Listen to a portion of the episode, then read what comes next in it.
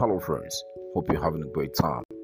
Thank you for listening to this podcast. I'm going to inspire you again with a wonderful topic. Don't build a case against yourself. A boy and his father was walking in the mountain. Suddenly, the sound pharaohs heard himself and screamed, Hey!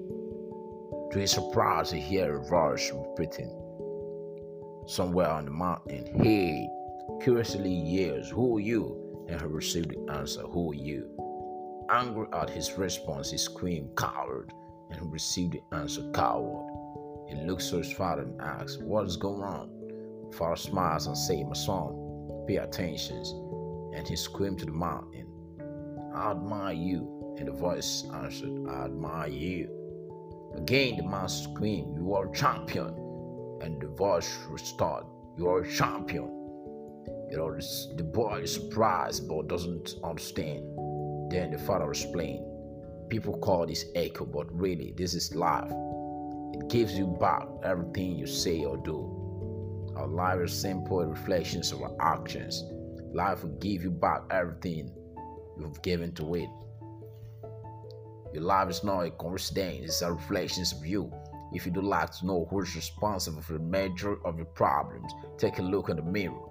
And if you can kick the person responsible for most of your problems, you will be able to sit down for three weeks. It's time for us to stay out of our own way. There's a little that we can restore the man who can conquer himself. So Johnson commented, Our business in life is not to get ahead of others, but to get ahead of ourselves, to break our own breakers, to extract yesterday by our today, to do our work with more forces than ever before. After what Emerson said, it is impossible for a man to cheat by anyone but himself. Require not our best friends and our worst enemies are the thoughts we have about ourselves. Proverb declared, As a man thinketh in his heart, so he is. Now, verses 1 Do not build up obstacle in your imagination. Stop looking only where you are mad and start looking where you can be. Be careful of what your mind wills and your words and action follows it. No one can defeat you unless you first defeat yourself. Self image set the boundaries and limitations for each of our individual compliments. We are taught to be losers when we with ourselves and receive a war. If you doubt yourself, listen to his lines.